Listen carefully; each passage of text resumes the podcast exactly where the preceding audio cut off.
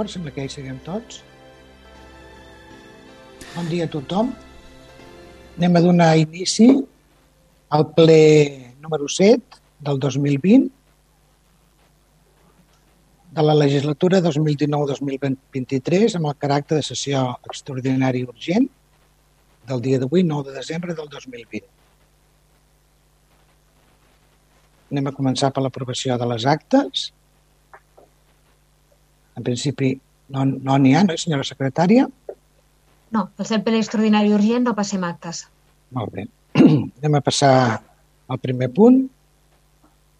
Ratificació si s'escau de la urgència de la sessió. Això ho hem de dur al vot i el motiu d'aquesta urgència és degut a que la Generalitat ha avançat la reunió que tenia planificada pel gener d'urbanisme per, per tractar els temes de l'institut. Llavors doncs, ens hem tingut que posar en marxa abans i avançar-ho doncs, quasi bé un mes i per això té el caràcter d'extraordinari i urgent pel tema que es tracta. La, la, documentació, la documentació es tenia que passar per ple i doncs, avui estem aquí per aquest tema i així podem entrar a la planificació del, del nou institut. Molt bé, doncs anem a, anem a votar la urgència. Vots a favor de la urgència de la sessió? O, o, o com va? No se sent? Sí, sí que se sent, però... Val, val. Potser que ho fem al revés. Vots en contra, com sempre ho fem, així és el més fàcil de... Vots en contra, abstencions? El, el PSC vota en contra de l'urgència. Molt bé. Ciutadans també vota en contra. Molt bé. PSC i Ciutadans. Abstencions? I entenc que la resta a favor? Molt bé. Moltes gràcies.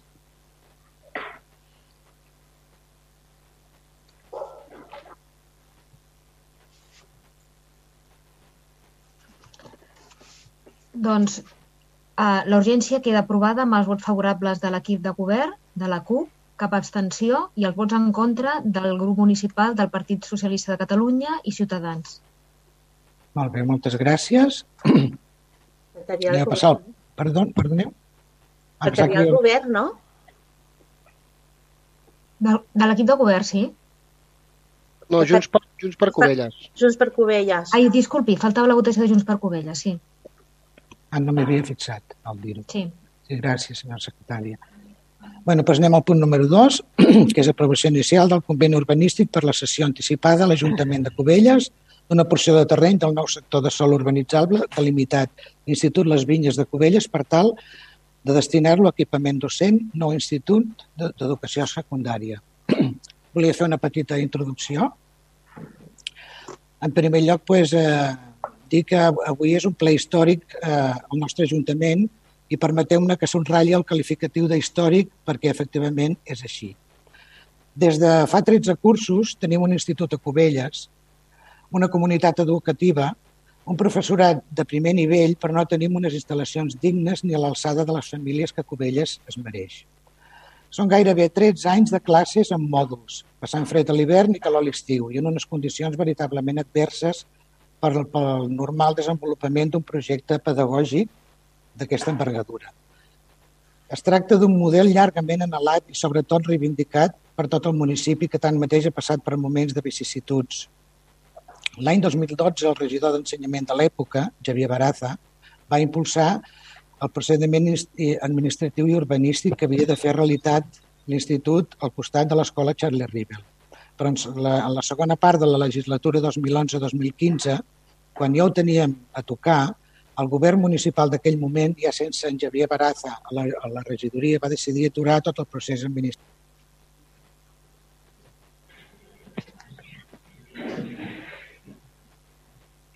Rosa, el mute.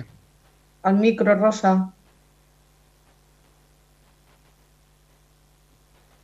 O sigui, Ara. no s'ha sentit, no sentit res. Si no, les dues últimes frases no. Exacte. Ostres, bueno. Uh, a veure, bueno. Per, per fins a Baraza, vale. fins a Baraza anaves vale. per Baraza. Vale. Uh, doncs això, que ja sense enviar Baraza a la regidoria va decidir aturar tot el procés administratiu. I no va ser fins l'any 2015, quan aquesta alcaldia, juntament amb els partits que actualment formen aquest govern i que ja li donaven suport aleshores, va decidir reprendre-ho atenent el clam de tota la comunitat educativa de la vila. Un dels primers decrets de l'alcaldia signats en aquella legislatura va ser justament el de la represa d'aquest procés. Un cop s'aprovi la sessió d'aquests terrenys, que espero i desitjo que sigui per majoria absoluta, tal i com es mereixen els infants de Cubelles, ja podem formalitzar el traspàs a la Generalitat, perquè tant d'hora com sigui possible s'inclogui el llistat de nous centres del Departament d'Ensenyament i es pugui construir el nou institut just al local de l'escola eh, Charlie Rivel. Descentralitzarem, doncs, l'ensenyament secundari de la nostra vila, reduint desplaçaments i facilitant també la logística familiar, alhora que configurarem un sector educatiu de primer ordre al cor de Cubelles. Arribats aquí, estarem amatents i marcarem de prop a la Generalitat perquè després de tants anys s'acabi amb aquest greuge envers les noves generacions de Cubelles i el nou equipament sigui una realitat ben aviat.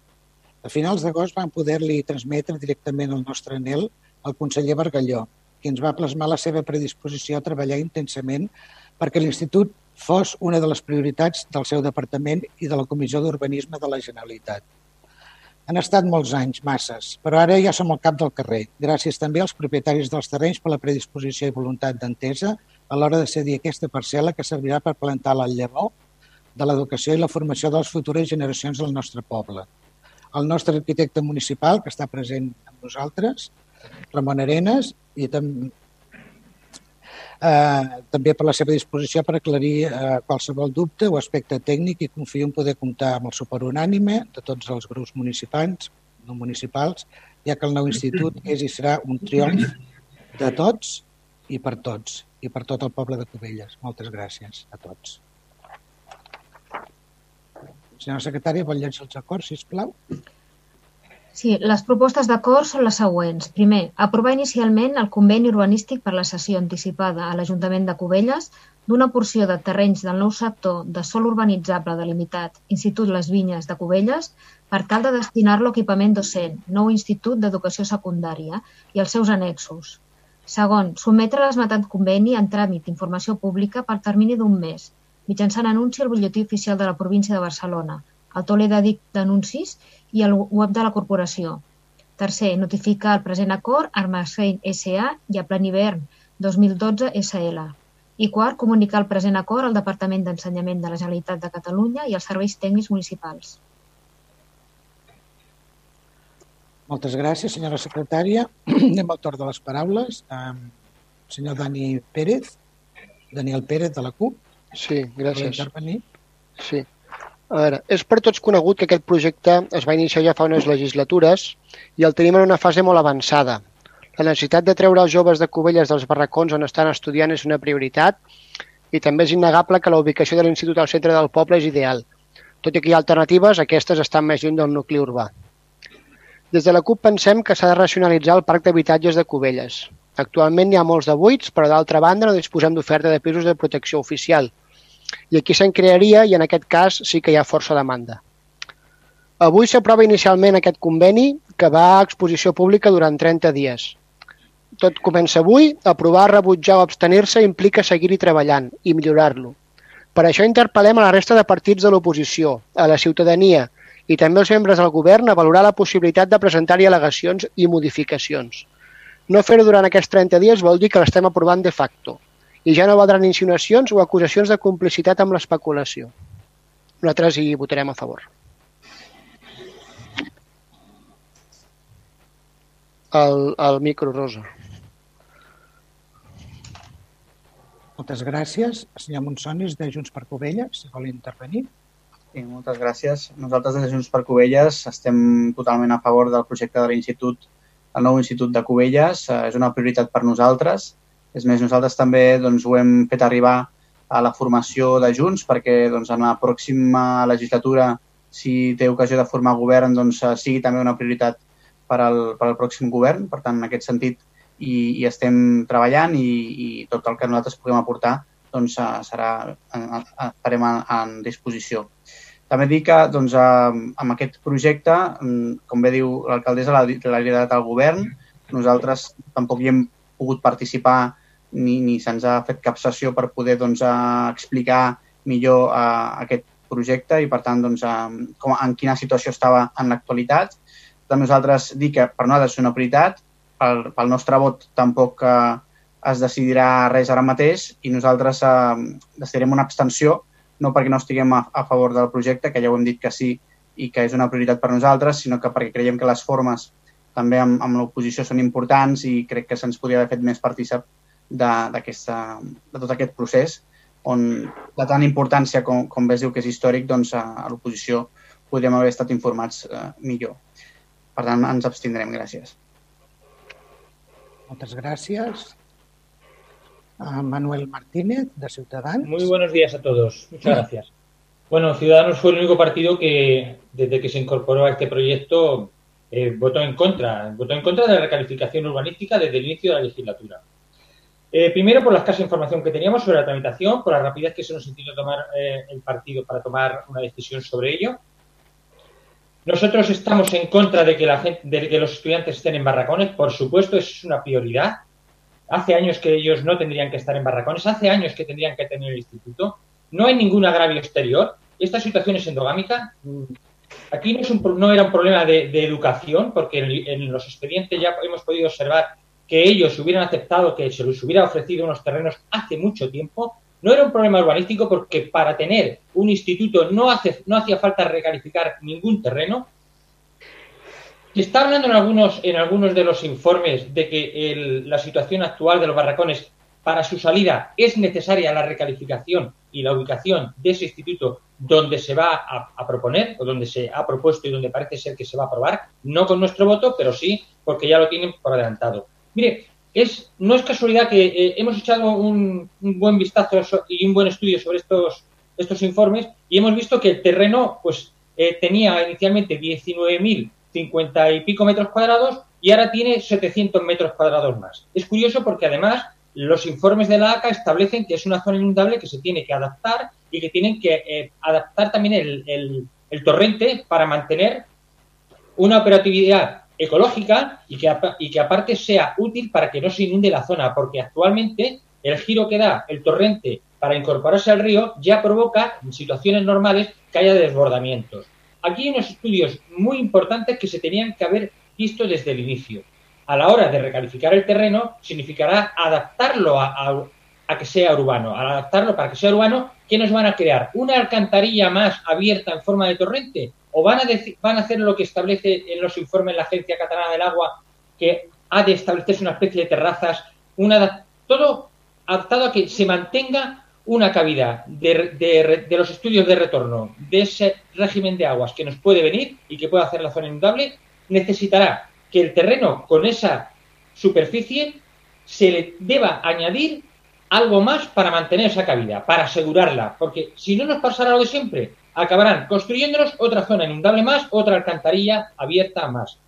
Eh, es curioso que además, eh, cuando se ha hecho ese cambio de superficie del terreno, mirando los expedientes, aparece otro expediente dentro del registro de la propiedad para que ese terreno tenga esos 700 metros cuadrados más. Curiosamente, aparece por iniciativa del ayuntamiento esto sobre el 2012, quizás antes, pero también una de las empresas propietarias, también por casualidad supongo, nace en ese, en ese mismo año. Es decir, para mí la recalificación de, esto, de estos terrenos, que siempre lo he visto una especulación urbanística, por eso es por lo que hemos votado en contra, no tiene nada que ver con lo que se está diciendo. Señores, necesitamos un instituto y tiene que ser aquí. Porque en los expedientes también dicen que hay dos kilómetros de donde está ubicado, donde se va a ubicar a donde están actualmente los barracones. No, no, hay dos kilómetros, ni muchísimo menos. Y además aquel sector ya tenía terrenos aptos. Tenemos per, terrenos permítame un, un, momento, señor Martínez, que tiene, que tiene, algún problema con la, con la cámara que no está conectado. Es la, la, la, única persona que no, que no tiene la cámara. Ah, vale, muy bien. Disculpe, pues discúlpeme. Mucho, mucho mejor así, ¿eh? Mucho mejor así. Perdón. Total, que al final hemos visto que tenemos terrenos infravalorados, he visto todos los informes urbanísticos que hablaban de cuál era el posible crecimiento de Cubellas, no había ninguna emoción ni en educación ni en urbanismo para que sean esos terrenos en concretos los que debieran navegar el instituto y a mí, bueno, a nuestro partido, está, creemos que esto, no voy a decir eh, que sea una necesidad como ustedes lo han puesto, la necesidad era sacarlos de los barracones hace mucho tiempo, No es un agravio, es una situación endogámica de este ayuntamiento y nosotros votaremos en contra.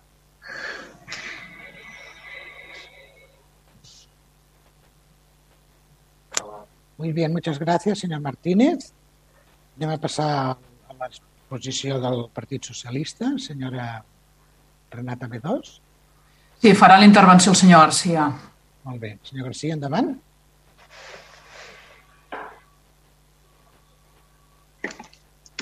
No se'm connecta l'àudio, un moment. Sí, sí, sí, sí, Jaume. Ja està, sí. ja, no? Em sentiu sí, bé, no? Sí, sí. Bueno.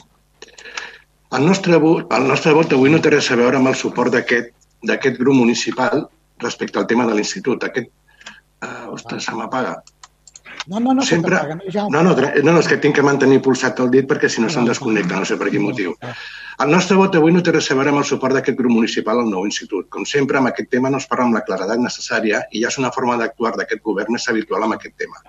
Dit l'anterior, el grup municipal del PSC s'abstindrà i demanarà que es deixi sobre la taula fins que s'aclareixin tots els dubtes. No s'ha fet comissió informativa i, per tant, no s'ha tingut l'opció d'aclarir res o fer aportacions. Nosaltres considerem aquest conveni incomplert i, per tant, inassolible per aquest Ajuntament. El dubte principal és que si aquest terreny s'havia de cedir a l'Ajuntament urbanitzat per part de la Junta de Compensació del Sector i ara es vol acceptar amb l'aprovació d'aquest conveni les sessions sense urbanitzar, tenim garanties reals per l'execució de les obres d'urbanització? El conveni només ofereix garanties de retrets als propietaris i a l'Ajuntament. Per quin motiu es fa una sessió anticipada si no està urbanitzat? Han variat els criteris del Departament d'Ensenyament o són els mateixos en la modificació del Pla General? Han variat els pactes amb els propietaris, pactes sorprenentment verbals i privats fins al dia d'avui, tal com, com comprovem amb la presentació d'aquest conveni.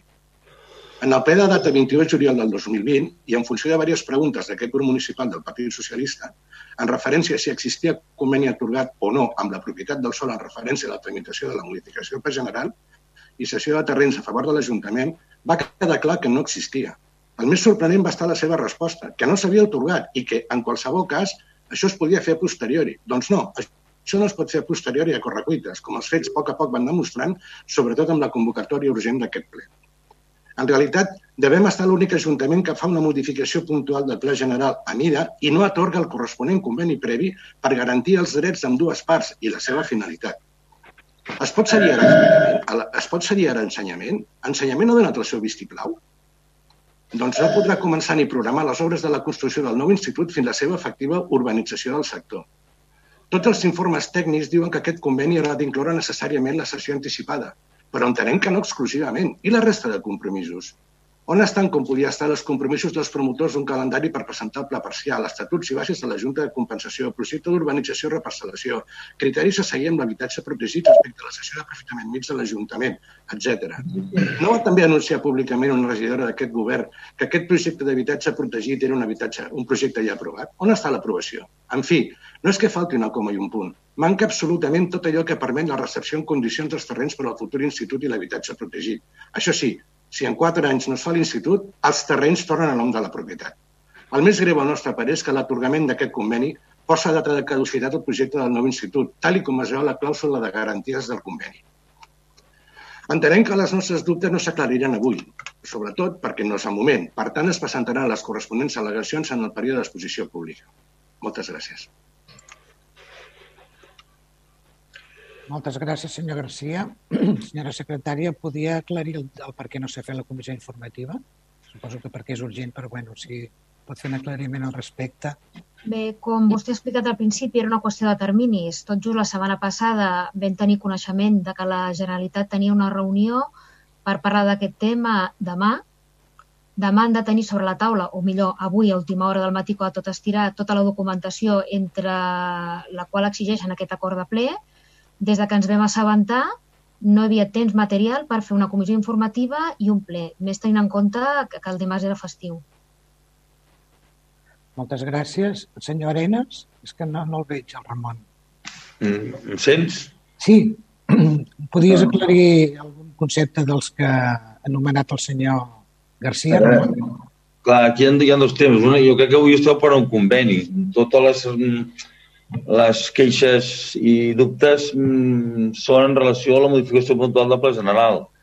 La modificació puntual del Pla General està aprovada efectivament per la Generalitat i, òbviament, inclou tots els informes favorables de les administracions competents. Entenc ISACA, medi ambient, totes. Vull dir, per tant, el control administratiu mm, hi és per part de l'Ajuntament i hi és per part de la Generalitat. Respecte a la sessió, a per què la sessió anticipada, òbviament es va optar per aquesta situació perquè la llei ens permet que prèviament a fer el pla parcial, fer el projecte d'urbanització i urbanitzar, es pot fer una sessió anticipada d'uns terrenys destinats a sistemes. És una forma de fer més àgil la sessió i que la Generalitat disposi més aviat del terreny.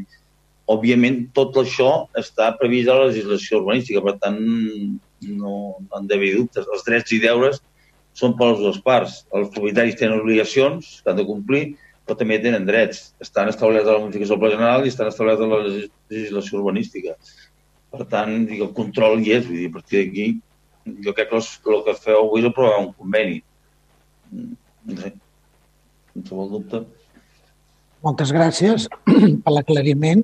No sé si hi ha algú del, del govern que vulgui també parlar. Senyor... Vale. Senyor Espineda, endavant. Sí, molt bon dia a tots i a totes. A veure, jo dues coses. La primera, agrair a, a tota la gent que ha col·laborat eh, en que avui estiguem on estem, a tots els regidors i regidores, començant per la meva companya d'urbanisme, la Lídia Pàmies, pel senyor Baraza, per tots els regidors d'ensenyament que hi ha hagut i tots els governs que han apostat fort perquè Cubelles pugui definitivament tenir un institut. Avui ens trobem a la signatura d'aquest conveni i el que sí que m'agradaria també és demanar que, com tots vostès saben, això eh, hauria d'entrar en pressupost de, de 2021 o 2022 de la Generalitat de Catalunya. El 14 de febrer tenim eleccions a la Generalitat de Catalunya i és molt important que tots els partits polítics que estem representats en el consistori i que ens presentarem en aquestes eleccions ajudem també a que aquest projecte de la nostra vila, aquest institut, pugui tirar endavant. Amb la qual eh, res més, només això, només dir que estiguem o no estiguem o ens puguem abstenir avui, però sí que en el proper govern de la Generalitat se li ha de demanar que definitivament Cubelles necessita aquest institut, perquè realment fa falta aquest institut per a la nostra vila. Gràcies. Moltes gràcies, senyor Pineda. Esquerra, senyora Soler.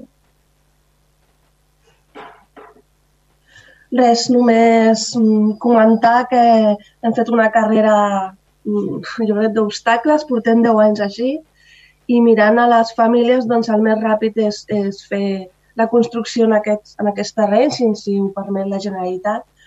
Ara mateix m'acaba d'enviar un missatge la, la nostra cap, la Montse Penya, que, que ja està treballant també a fons amb això i que, doncs res, eh, que sí, sí, que ho accepten tot i que ho posaran sobre la taula uh, i ja està, no? Em sap molt de greu que la documentació no arribi com ha d'arribar, per això, per això, perquè hem, hem anat molt a correcuita, però que tots pensin que, que aquestes famílies necessiten un nou institut, Cubelles necessita un nou institut i la situació en la que estan és molt precària i el més ràpid és això, perquè portem 10 anys treballant sobre aquí.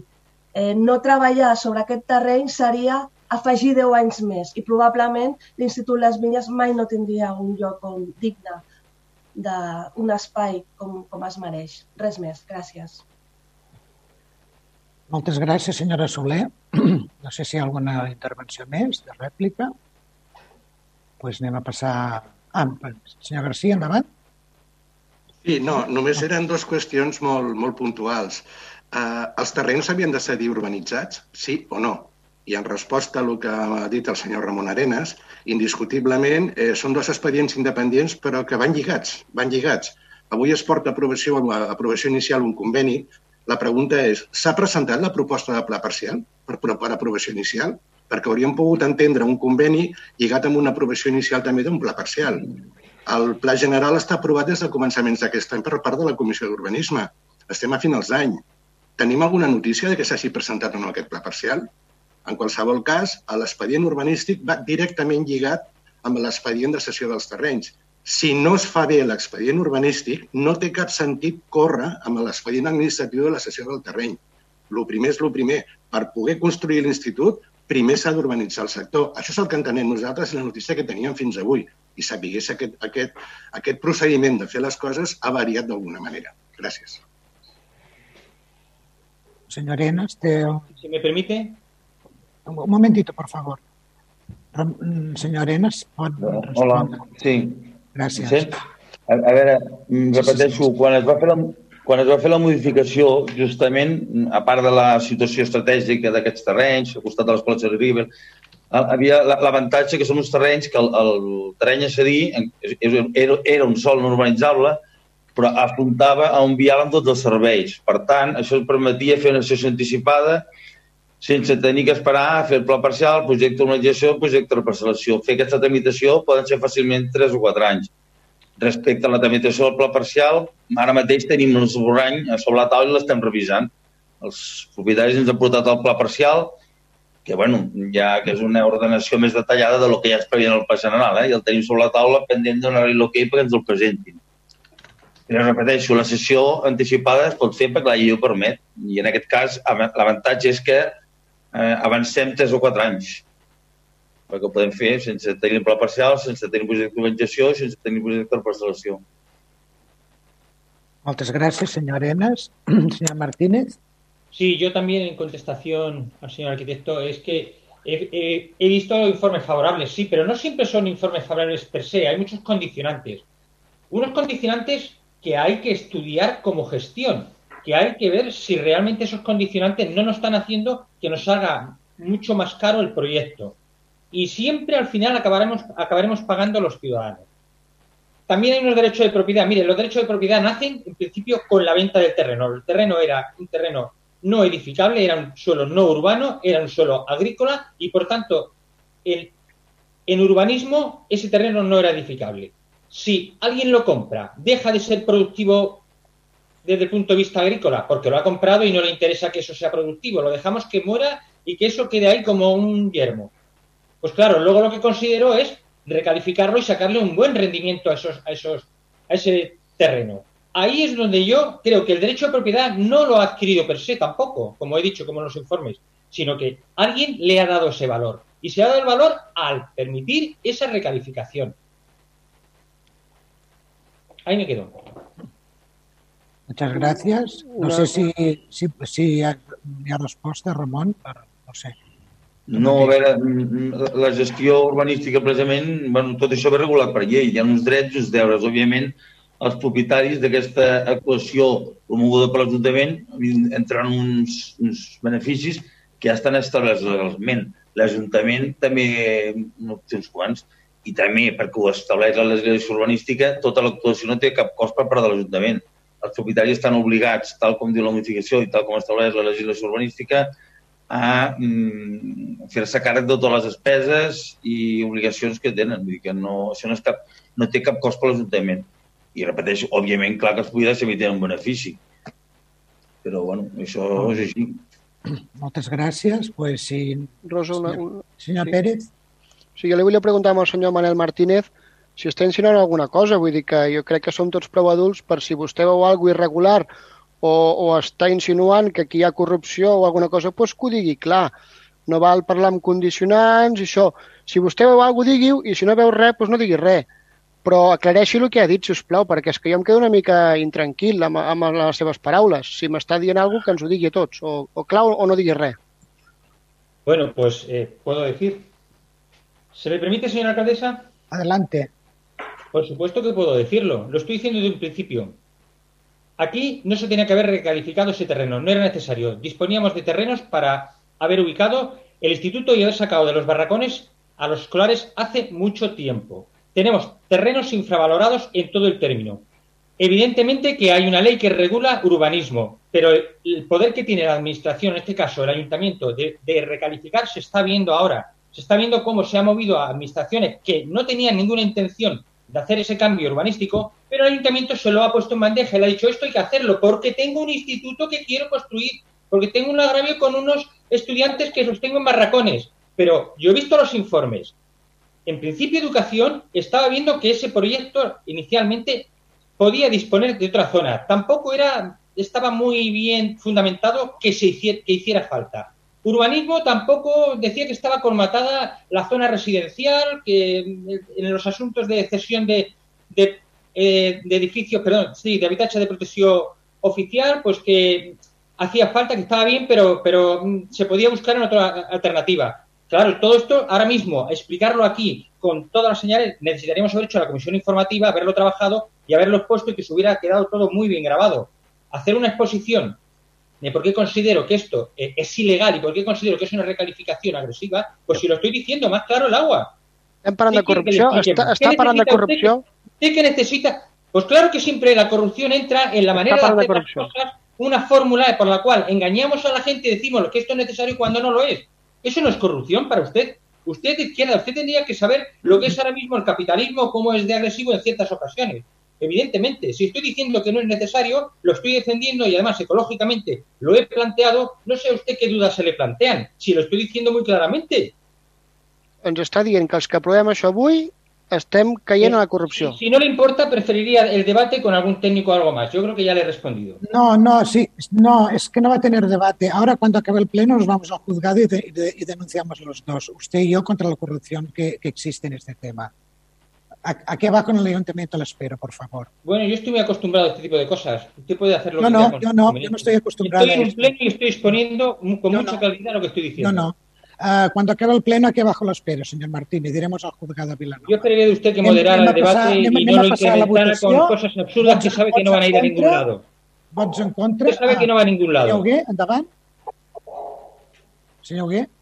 Sí, eh, bé, una mica escoltant els diferents portaveus podem estar més o menys en contra eh, o a favor no, de, de com es tramiten les coses. Jo entenc que aquest Ajuntament eh, les coses es fan d'una manera seriosa, legal, tenim tècnics que doncs, eh, per això vetllen i escoltant aquestes eh, afirmacions del senyor Manuel Martínez de, Ciu- de Ciutadans, eh, jo em veig amb l'obligació de demanar, si plau, a la secretària que eh, faci arribar doncs, aquesta, aquesta insinuació, més que insinuació, és una afirmació cap al Afirmació total, conjunt del consistori eh, del senyor Mar Manuel Martínez i també, com deia el regidor de la CUP, doncs, que ens està acusant eh, a tots els que avui doncs, donarem el suport a tirar endavant eh, aquest conveni de sessió anticipada pels terrenys de, de l'Institut ens està acusant doncs, de, de corrupció. Per tant, jo demanaria a la secretària que entomés aquest,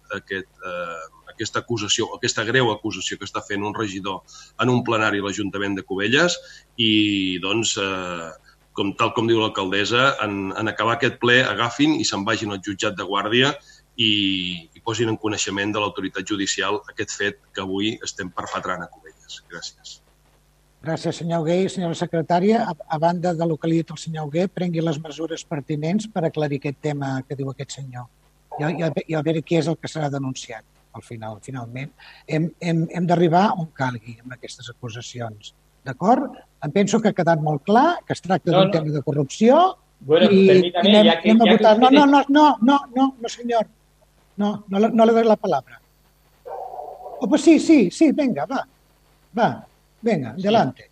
Ustedes aceleran, ustedes elevan, ustedes llevan las palabras a su terreno para tratar de acusar algo que evidentemente no van a conseguir porque estoy defendiendo mi postura, estoy defendiendo cómo se consigue hacer una recalificación por medio de intereses. Pues sí, eso lo ratifico. Decir quién es el culpable, oye, yo no tengo las pruebas, he dicho que ni tan siquiera lo hemos trabajado, las pruebas no, pero que se están haciendo cosas mal y mal gestores, lo estoy asegurando. Hacer, decir que el ayuntamiento es un mal gestor y que todo lo que no se gestiona bien tiene un punto de ilegalidad, pues claro que lo tiene. Aquí las leyes, yo les demostraré a ustedes y a donde haga falta la cantidad que ustedes vulneran las normas. Pero claro que lo tengo, si es que lo saben.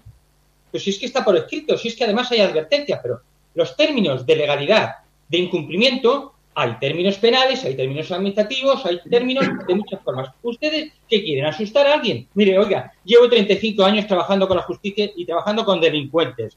Llevo muchos años para que ustedes me digan a mí que me da miedo presentarme ante la justicia. No, pues no, al contrario, sería muy bonito que alguien esto lo planteara a nivel judicial y no hiciera falta ni tan siquiera que yo, PIAC, en un contencioso administrativo planteara ante ustedes, pues bueno, pues voy a ir contra este planeamiento y voy a hacer un recurso contencioso administrativo, como por ejemplo ha dicho el PSC. Oiga, yo creo que ustedes tienen que hacer las cosas bien directamente y cuando se les dice, mirar si lo que están haciendo está bien o está mal. Cuando no les da la gana y lo siguen haciendo mal y siguen haciendo las cosas mal, produciendo daños a los bienes y a las personas, proponiéndolos con riesgo contra el medio ambiente, contra la salud de las personas, pues hay que denunciarlo. Y, y si ustedes eso dicen que yo estoy diciendo que hay corrupción, evidentemente ya les estoy diciendo que para mí todo lo que es apartarse de la ley a sabiendas, existe ese principio que se está actuando ilegalmente. Y esto lo decidirá un juez, pero yo aquí en pleno me permito el lujo de decirlo porque lo tengo fundamentado. Y ahora vayan ustedes donde quieran, porque yo les acompañaré. No, no, yo le acompañaré a usted, que es muy diferente. Si usted lo cree así, no, estoy para discutirle eso, estoy para discutir estas cosas, señora alcaldesa.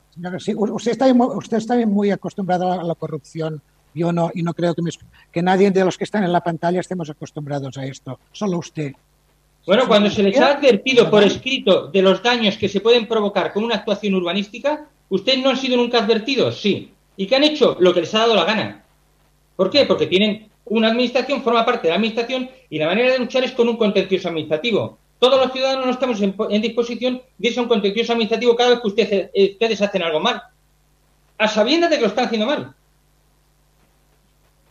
Bueno, había pues con, con, todos los informes favorables, usted se va al juzgado y denuncia. Le he dicho, informes favorables con condiciones. Condiciones muy graves. Muy bien, pues, pues, pues tiene, tiene la puerta abierta para ir. Es todo suyo. Te lo he dicho, crecimiento en un terreno que se hace grande, con unas propuestas. Sí, ya lo hemos escuchado. Se van a modificaciones de protección oficial, fantástico. Ahí le vamos a dar un punto para que esto tire para adelante. Y luego, si la oposición dice algo en contra, oye, que usted va en contra del instituto. Oiga, yo no voy en contra del instituto, ¿qué está usted diciendo? Es que tenemos un agravio. Oiga, ¿qué agravio? Usted es endogámico, es de ustedes. Si el, instituto no, si el instituto no le importa nada. a mí exponerle lo que le estoy diciendo en cualquier lado? ¿Usted qué camino me van a escuchar? A usted que le importa son otras cosas. Bueno, senyor García, endavant, sisplau. No té res que veure amb aquesta conversa. El Ramon Arenas, el tècnic, ha fet un comentari que m'agradaria, si plau, si el pogués aclarir. És a dir, que aquesta sessió anticipada suposa un estalvi de 4 anys. Nosaltres no veiem l'estalvi. I si és així, si és així, potser el tarannà del conveni d'avui hagués tingut que estar un altre. Per tant, el fet de dir a l'estalvi de 4 anys, què vol dir amb això? Que si es fa la sessió anticipada del terreny i ensenyament ho accepta i tramita la construcció del nou institut, es podrà construir l'institut sense tenir aprovats els documents urbanístics?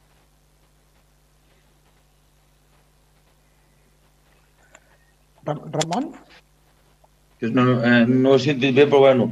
A veure, quan parla de anticipada és una fórmula de que l'administració rep els sistemes, els terrenys destinats a equipaments abans de fer el pla parcial i abans de fer la representació i, i, i també mm, permetrà que la Generalitat construeixi l'institut, per exemple, sense tindre el pla parcial. Això és una, una fórmula prevista a la legislació urbanística, per tant no ens estem inventant res, una fórmula de, de, de guanyar temps, perquè bueno, aquest terreny dic, afronta amb un carrer que està urbanitzat, que té tots els serveis i que per tant es pot edificar. És això, és una sessió anticipada en la modificació del planejament ja es regula la, la peça aquesta dels 2.000 metres d'equipament, com s'ha de construir. Per tant, no es pot fer prèviament el pla parcial. Únicament és això. Dani, per acabar d'aclarir-ho, és a dir, ens acaba de dir vostè ara que amb aquesta sessió anticipada, malgrat no tenir aprovat ni pla parcial, ni projecte d'urbanització, ni projecte de es podrà construir l'institut. És així? Sí, sí. Article, mm, no sé, hi ha un article del reglament de la llei d'urbanisme que ho diu directament. Diu que, evidentment, per construir tots els terrenys atenguin de la condició de solar, excepte en els casos en què hi ha una sessió anticipada d'un terreny, com és aquest, que no té la condició jurídica de solar, però sí que té tots els serveis propis d'un solar. Però sí, sí, és, és així. Et pots construir l'institut sense tindre parcial. Sí? Vale, gràcies. D'acord, gràcies. Senyora secretària, abans de passar a la votació, li voldria fer una pregunta. Fer les coses malament sabent-ho és prevaricació, oi? És així? A veure, Fer les definició... coses malament sabent-ho que ho fas malament, és prevaricació. A veure, la definició del Codi Penal, més o menys literal, de, de la prevaricació és eh, l'adopció d'un acte injust que diu la llei a sabiendas de su justícia. Vale, vale, vale aclarit, moltes gràcies bueno, doncs anem a passar a la votació. Uh, vots en contra? Ciutadans vota en contra. Molt bé. Abstencions? PSC. I Junts. PSC i Junts per Covelles, abstencions. I la resta entenc que, que a favor, eh? Moltes gràcies. Senyora secretària, com queda?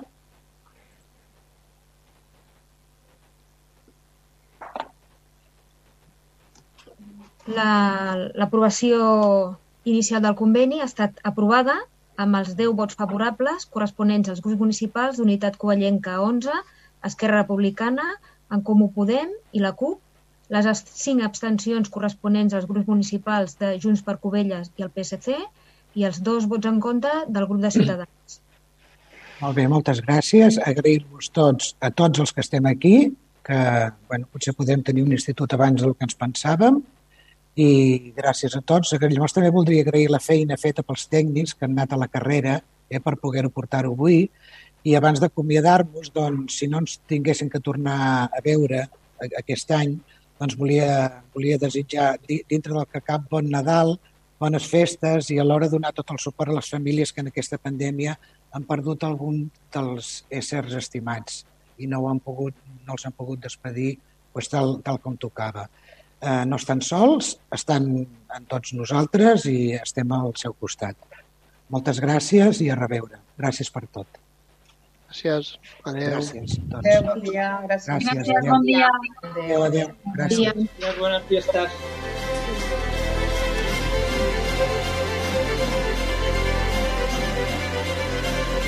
I fins aquí el ple municipal, un ple extraordinari i urgent que s'havia convocat amb l'únic punt de l'ordre del dia que era la sessió anticipada dels terrenys per a la futura construcció de l'Institut Les Vinyes. Concretament estem parlant dels terrenys que queden entre l'aparcament de terra del costat de la passada al Mercat i el cementiri, just davant del centre d'atenció primària. Aquests són els terrenys que rebrà per part d'uns particulars l'Ajuntament i que després l'Ajuntament posarà en mans de la Conselleria d'Educació, que serà qui s'encarregarà de la construcció del futur edifici que ha d'acollir l'Institut Les Vinyes. El punt, que era l'únic que s'ha debatut avui, ha acabat aprovant-se amb els 10 vots a favor dels 6 regidors d'Unitat Covellenca, els dos d'Esquerra Republicana, el vot també de Covelles en Comú Podem i de la CUP. Per tant, 10 vots a favor, hi ha hagut 5 abstencions corresponents als 3 regidors del PSC i els dos de Junts per Covelles i finalment hi ha hagut el vot en contra de dos regidors, els dos regidors del grup municipal de Ciutadans. Una sessió plenària que ha arrencat a les 9, que tanquem ara i que poden recuperar, com sempre, la ràdio La Carta en qualsevol moment si volen recuperar qualsevol de les intervencions que s'han dit. Nosaltres en els serveis informatius de Ràdio Covelles farem un resum del més destacat d'aquest ple municipal. Uh, destacar uh, també que a Ràdio Covelles doncs, seguirem amb la nostra programació habitual amb el Covelles a les 10, el magazín matinal ara a partir de les 10 del matí. Gràcies per seguir-nos i fins ara mateix.